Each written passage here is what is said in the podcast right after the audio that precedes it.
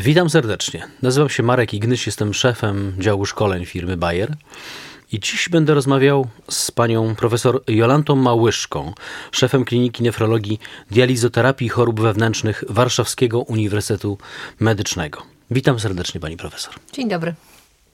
Przygotowując się na spotkanie z panią, wszedłem na internet. Wpisałem mikroalbuminuria i właściwie oprócz kilku artykułów angielskiej prasy, jednego podcastu złożonego z kilku zdjęć, nie znalazłem nic. Znaczy, ja bym powiedziała, że samo słowo mikroalbuminuria jest złym tłumaczeniem z angielskiego. Aha. To jest kalka angielska microalbuminuria, ale to nie chodzi o to, że mamy mikroalbuminy, okay. tylko mamy albuminę w mikroilościach. No właśnie. I no to... myślę, że jest to pewna, pewna niefortunna jakby forma przetłumaczenia tego stricte mm -hmm. z języka angielskiego. Mm -hmm. Tak jak żeśmy dyskutowali ze sobą w świecie nefrologicznym, jak do tego podejść, skoro się to tak utrwaliło w polskim, mimo wszystko nazewnictwie medycznym. No tak, bo to mikro czy bez mikro, nie? E, albuminy są jedne, prawda? No Natomiast właśnie. mogą być w mikroilościach i w makroilościach. Mm -hmm. I stąd jest to ten termin termin mikroalbuminuria i makroalbuminuria. Okay. Czyli niewielka ilość albuminy wydalanej z moczem. No dobrze, no i ta niewielka ilość albuminy wydalana z moczem, czym to grozi? E, wracając jeszcze, myślę, że e, język angielski jest bardzo precyzyjny tłumacząc mhm. języka mhm. angielskiego na polskim, bardzo często chcąc uniknąć zdania bądź dwóch opisowych, tworzymy kalki angielskie. Mhm. Także stąd jakby stąd jest tam mikroalbuminuria. Co, co to oznacza? Wydalanie albuminy z moczem, w, nawet w niewielkich ilościach, świadczy nam przede wszystkim o uszkodzeniu śródbłonka, mhm. które jest wszechobecne w chorobach cywilizacyjnych. Śródbłonka nerek śródbłonka, śródbłonka w całym organizmie. W całym organizmie. Tak. A. Śródbłonek jest w ogóle, ja bym powiedziała, taką niesamowitą strukturą, mhm. ponieważ on pokrywa naczynia krwionośne, mhm. Ma wagę około 2 kg i powierzchnię boiska do piłki nożnej. Wow. Także mówimy o strukturze, której sobie nie wyobrażamy, a która jest wewnątrz nas. W każdym z nas. W każdym z nas. W każdym z nas. I która jest niesamowita, dlatego że w śródbłonku dzieją się wiele rzeczy. Mhm. On ma własności prozakrzepowe, E, antyzakrzepowe i wydalanie albuminy z moczem oczywiście obrazuje to stan śródbłonka nerek. Mhm. Natomiast to samo się dzieje w każdym innym miejscu. No tak czyli e, zarówno w siatkówce oka, co sobie możemy podejrzeć, czy na przykład mamy zmiany nadciśnieniowe na dnie oka, czy zmiany spowodowane cukrzycą na dnie oka. To samo się dzieje w naczyniach wieńcowych. Czyli tak Natomiast tak naprawdę... odzwierciedleniem mhm. tego, co się dzieje, jest właśnie wydalanie albuminy w mikroilościach. No właśnie, czyli to jest taki pierwszy objaw czegoś, co możemy powiedzieć, tak jak, jak nawet brzmi tytuł naszego, naszego spotkania, mhm. mikroalbuminuria, a sprawa Titanica. Mhm. Czyli no jest to początek, taki czubek góry lodowej. Tak. Który może sygnalizować nam, hello, tu się coś dzieje w twoim organizmie, tak? To nie jest bagatelna kwestia, żeby ją, żeby, żeby to bagatelizować, tylko pierwsze takie alarmujące światło, żeby się tym, żeby tym się zająć i temu się przypatrzeć. To jest tak właśnie może nawet przez analogię, jak widzimy górę lodową, to my widzimy jej czubek, prawda? Mhm. I mówiąc o tych stadiach późniejszych, kiedy mówimy już o przewlekłej chorobie mhm. nerek, to to, co my widzimy, to są tak naprawdę chorzy dializowani. Mhm. No Natomiast tak. my nie widzimy tego ogromu, który jest schowany, którego, który jest dla nas niedostępny. Dlatego, że o, czym mówimy? Mówimy o, o osobie dializowanej po przeszczepieniu nerki, prawda? Mhm. Natomiast paradoksalnie jest to mniej więcej 0,15% osób w ogóle z przewlekłą chorobą nerek. Czy to jest rzeczywiście, rzeczywiście szczyt góry lodowej? Natomiast to, co jest schowane, to jest ten początek, czy prapoczątek, tak? To jest albuminuria, to jest, to jest białkomocz i wszystkie jego konsekwencje. Ja zdążyłem się tylko zorientować, bo nawet nie, nie, nie, nie, nie czytałem y, wszystkich artykułów, które gdzieś tam chciałem znaleźć na temat właśnie albuminurii, czy też tak jak właśnie mikroalbuminurii, ale już wiem, że to nie do końca jest poprawne. Było sporo odniesień do albuminy, a, a sprawa sercowo-naczyniowa. Mhm. Jak to łączyć, pani profesor? Dzięki śródbłonkowi. Znowu, Wspomniany... uszkodzenie, czy, uszkodzenie czy dysfunkcja śródbłonka, prawda? To jest kwestia, to się wszystko dzieje jako prapoczątek w chorobach układu sercowo-naczyniowego. Okay. Czyli e, nadciśnienie, choroba niedokrwienna serca, mamy uszkodzenie śródbłonka, które potem skutkuje nawarstwianiem się zmian, typu na przykład zmian zakrzepowych, co na przykład może prowadzić do zakrzepów mhm. tętnicy wieńcowej i do zawału mięśnia sercowego, prawda? Ostrego zespołu wieńcowego. Mhm. Natomiast to, co pozwala nam obrazować to, co się dzieje, to jest właśnie przede wszystkim stan naczyń nerkowych i jeżeli tam mamy przesączanie albuminy do moczu, to świadczy o tym, że to jest dokładnie to, co się dzieje w całym organizmie. Mhm. Także jakby to nie jest tylko sprawa nerek, mhm. natomiast jest to sprawa całego ustroju. Mhm. I bardzo często jest tak, że e, to szczególnie ładnie widać w cukrzycy typu pierwszego, gdzie e, wydalanie albuminy z moczem, czyli ta mikroalbuminuria, mówiąc już kolokwialnie, świadczy nam o nie tylko o uszkodzeniu nerek, ale o dysfunkcji e, śródbłonka w całym organizmie i mhm. jest to sygnał ostrzegawczy, że jest to początek, jest to czynnik ryzyka powikłań sercowo-naczyniowych. Mhm. A ponieważ nerki i serce są dość bardzo związane ze sobą, nie chcę powiedzieć jak bracia syjamscy, ale mhm. mniej więcej jak naczynia połączone, to efektem powikłań sercowo-naczyniowych są powikłania nerkowe, natomiast efektem choroby nerek mogą być powikłania sercowo-naczyniowe. No i tutaj mnie pani znowu zaskoczyła. Tak jak za pierwszym razem mówiąc, że ten mikroalbuminuria i albuminuria to tak nie do końca, to ja przyznam szczerze, naprawdę nie wiedziałem, że. Bo, bo, bo, tak, bo zazwyczaj mówimy, albo najczęściej słyszy się serce, układ sercowo-naczyniowy, zawał. To są takie ciężkie, grube tematy. Nawet w moim kręgu y, najbliższych znajomych, nawet w firmie, w której pracuję, nikt nie porusza aż tak y, dużej wagi nerek. A tutaj się okazuje, że to wszystko jest bardzo sobą mocno powiązane. Chciałbym też zapytać pani profesor w takim razie o pacjentów. Czyli jacy to pacjenci, którzy, o których mówimy, że mają albo mogą mieć takie problemy związane z, z albuminurią? Znaczy, klasyką jest to, co robią pediatrzy, diabetolodzy dziecięcy. Mhm. Jest to w momencie rozpoznania cukrzycy typu pierwszego ocena albuminurii jest 5 lat po rozpoznaniu. Mhm. Dlatego, że rzeczywiście znamy ten e, czynnik, znaczy ten moment rozpoznania. W cukrzycy typu drugiego jest już kompletnie inaczej. Aha. Dlatego, że bardzo często jest tak, że e, rozpoznając cukrzycę typu drugiego, u 50% osób mamy już powikłania sercowe, nerkowe, oczne. I tam możemy mieć nawet nie tyle mikroalbuminurię, co po prostu albuminurię. Biał, czy ewentualnie białkomocz, tak? Następne grupy pacjentów są to osoby z chorobami układu sercowo-naczyniowego, z nadciśnieniem, z chorobą niedokrwienną serca, czyli teraz z przewlekłym zespołem wieńcowym, po przybyciu ostrego zespołu wieńcowego, ale także są to pacjenci z chorobami nerek. I tu znowu mamy dwie bardzo takie grube kategorie. To jest, e, są to pierwotne na przykład kłębuszkowe zapalenia nerek, gdzie najczęściej mamy nawet nie albuminurię, a białkomocz, mhm. czyli to więcej niż 300 mg, wydalanie większej ilości niż 300 e, mg na dobę, czy wtórne kłębuszkowe. I tu jest znowu może to być w przebiegu czy cukrzycy, czy chorób układowych tkanki łącznej, czy zapalenia naczyń. Także to jest ta duża grupa pacjentów.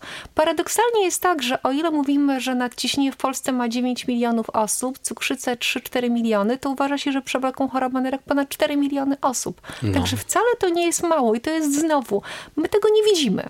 No właśnie. Nerki nie bolą, prawda? Nerki nie dokuczają. E, często się zdarza tak, że pierwsze rozpoznanie jest postawione na przykład na izbie przyjęć e, z powodu zupełnie innego przyjęcia do szpitala. No właśnie. Na przykład źle kontrolowanego nadciśnienia. A jak to badać? E, najprostsze są testy paskowe. Aha. Czyli tak naprawdę, poza tym testy paskowe są jeszcze o tyle proste, że mamy wynik, znaczy tak, jest to badanie nieinwazyjne, mamy wynik tak naprawdę w ciągu kilkunastu sekund i wiemy, w testach paskowych mamy najczęściej układ taki, że są to e, kwestie obecności e, albumina 1 plus, 2 plusy czy 3 plusy, prawda? Mhm. Jeżeli są to 3 plusy, zdecydowanie powinniśmy się zastanowić, czy nie jest to e, patologia i czy nie powinniśmy w tym momencie zwrócić się o poradę lekarską. Dlaczego o, mówimy o, o, tej sytuacji, gdy mamy na przykład albuminę na 1, prawda? Czyli to wydalanie w mikroilościach. Jeżeli jesteśmy po dużym wysiłku fizycznym, na przykład po saunie, czy po, e, w tej chwili na przykład odśnieżaniu ogródka, mhm. to my mamy prawo mieć albuminy w mikroilościach w naszym badaniu ogólnym moczu. A w dlaczego? teście paskowym. E, dlatego, że przy wysiłku fizycznym mamy również zwiększenie przesączania kłębuszkowego. Rozumiem. Czyli temperatura, choroby infekcyjne, duży wysiłek fizyczny, np. jazda rowerem górskim po, po, różnego rodzaju wertepach. W związku z tym, żeby powiedzieć, że ktoś ma rzeczywiście albuminurię, powinniśmy mieć wykonane trzy badania, z których dwa powinny być pozytywne w odstępie co najmniej 4 do 6 tygodni. Czyli jeszcze jedno badanie nic o niczym nie mówi. I... Jedno badanie. Okej, okay, okej. Okay. Szczególnie jeżeli jest to na przykład po, po, w czasie infekcji albo po infekcji. Mhm. No a kto ma zlecać te badania w takim razie? Znaczy, myślę, że ideałem by było to co, to, co jakby postulowane było wiele, wiele lat temu, był taki wprowadzony w, na początku obecnego wieku program wczesnego wykrywania przewlekłej choroby nerek i była to współpraca e, pomiędzy środowiskiem nefrologów, kardiologów, diabetologów, ale także specjalistów medycyny rodzinnej. Bo chodziło o to, żeby rzeczywiście spróbować dotrzeć do osób z grup ryzyka i tam rzeczywiście zapewnić im właściwą diagnostykę i opiekę. Czyli tak naprawdę kluczowym tutaj jest specjalista medycyny rodzinnej. Rozumiem. No a mówiąc o specjalistach, właśnie pani profesor, no bo ja jestem mężczyzną i dla mnie nie do końca, ale również pacjentem, nie mam prawo nie widzieć dużej różnicy, ale jaka jest różnica między nefrologiem a urologiem? Może powiedziałabym tak, że nefrolog jest lekarzem zachowawczym, czyli Aha. internistą, a urolog zabiegowcem, taki, czyli powiedzmy jest to chirurgia dotycząca układu moczowego. Rozumiem, ale jeśli mówimy o, o nerkach, no to o, i, i zarówno nefrolog, jak i urolog to w pewnym sensie koherentne y, specjalizacje. Ja bym powiedziała współpracujące ze sobą bardzo ściśle. tak. Nefrolog zajmujący się pigułkami, a urolog zajmujący się generalnie zabiegami. Yy, tak, czyli urolog ma w ręku skalpel, tak a jest, nefrolog ma w ręku pigułki. I zajmuje się dzieleniem pigułek na jedną czwartą na przykład, albo zwiększaniem o połówkę. Okej, okay, ale, ale o, o, o, oboje są równie ważni, są równie istotni, jeżeli mówimy o nerkach. No właśnie, a powiedziałem o tym, że jestem mężczyzną, powiedziałem również o tym, że jestem pacjentem, no więc ja jako pacjent, to czego powinienem robić, czego, a czego nie powinienem robić, jak się, jak się zachowywać, aby, aby, już wiem o tym, jak się badać, jeżeli chodzi o albuminurię, ale, ale ja mam na myśli takie, takie działanie prewencyjne. Przede wszystkim prewencyjnym działaniem jest, mogę powiedzieć, właściwy tryb życia. Czyli? Czyli bez używek. No właśnie. W sensie papierosy przede wszystkim. Czy papierosy to największe, największe zagrożenie to znaczy, dla nerek? A papierosy na pewno. Dieta wysokobiałkowa, różnego rodzaju, jest część osób, która korzysta z dobrodziejstwa na przykład siłowni czy fitness klubów, jak również z używek białkowych. Mhm to nie jest najlepsza opcja, może tak bym powiedziała. Mhm. Dlatego, że ja kończąc studia, e, było nam, byliśmy uczeni, że jeżeli mamy dużą utratę białka, powinniśmy spożywać dużo białka. Później okazało się, że to wcale nie jest takie oczywiste, że wręcz przeciwnie. Jeżeli mamy dużą utratę białka, to powoduje to e, kolejne szkliwienie, włóknienie kłębuszków nerkowych, postęp niewydolności nerek, w związku z tym powinniśmy ograniczyć białko w diecie. Mhm. W związku z tym, jeżeli ktoś ma zdrowe nerki, to de facto nie powinno mu to zaszkodzić. Natomiast jeżeli e, ma jakąkolwiek um, upośledzenie funkcji nerek, to dieta wysokobiałkowa nie jest najwłaściwszą formą w tym momencie. No tak, ale powiedziała pani e, profesor wcześniej, że to wykrycie tych nie, nieprawidłowości hmm. w nerkach nie jest do końca łatwe i proste. No bo te nerki, jak pani powiedziała, nie dają jakichś objawów. No ale są zawsze grupy ryzyka, prawda? No, no, no tak. i że na przykład wiemy, prawda, że e, mamy nadciśnienie, czy mamy inne choroby mhm. układu sercowo-naczyniowego, czy mamy cukrzycę, czy w rodzinie były choroby nerek, czy na przykład były stosowane leki nefrotoksyczne. Paradoks jest taki, że o takich lekach, o które stosujemy codziennie, na przykład niesteroidowe leki przeciwzapalne, czyli te wszystkie leki przeciwbólowe, Jasne. to są leki potencjalnie nefrotoksyczne. O, Także nadużywanie że... tego typu leków też nie jest dobre. E, kiedyś, kiedy w tabletkach do bólu głowy była fenacetyna, to mieliśmy do czynienia przy spożyciu dużej ilości przez wiele lat tych leków z niewydolnością nerek właśnie spowodowaną nadużywaniem leków przeciwbólowych. To ja jestem ciekaw, czy, czy nasze społeczeństwo byłoby na tyle świadome, które łyka tego chyba na tony, że to również ma i to nawet nie, nie bagatelny wpływ na, na stan 20 nerek. kg wystarczy spożyć. Co jeżeli weźmy pod uwagę na przykład, że paracetamol to jest pół grama, Tak. A dobry efekt to jest mniej więcej przy 4 czy 6 tabletkach, to są 3 gramy na dobę. To niewiele trzeba, żeby było tych Parę 20. lat. Parę lat. No to jest cenna informacja. To jest cenna To informacja. samo dotyczyło kiedyś była... Um, są, były zioła, które były stosowane jako leki odchudzające, zioła chińskie. I otóż okazało się, że kombinacja ziół chińskich powodowała również e, niewydolność nerek. Nazwano to nawet nefropatią ziół chińskich.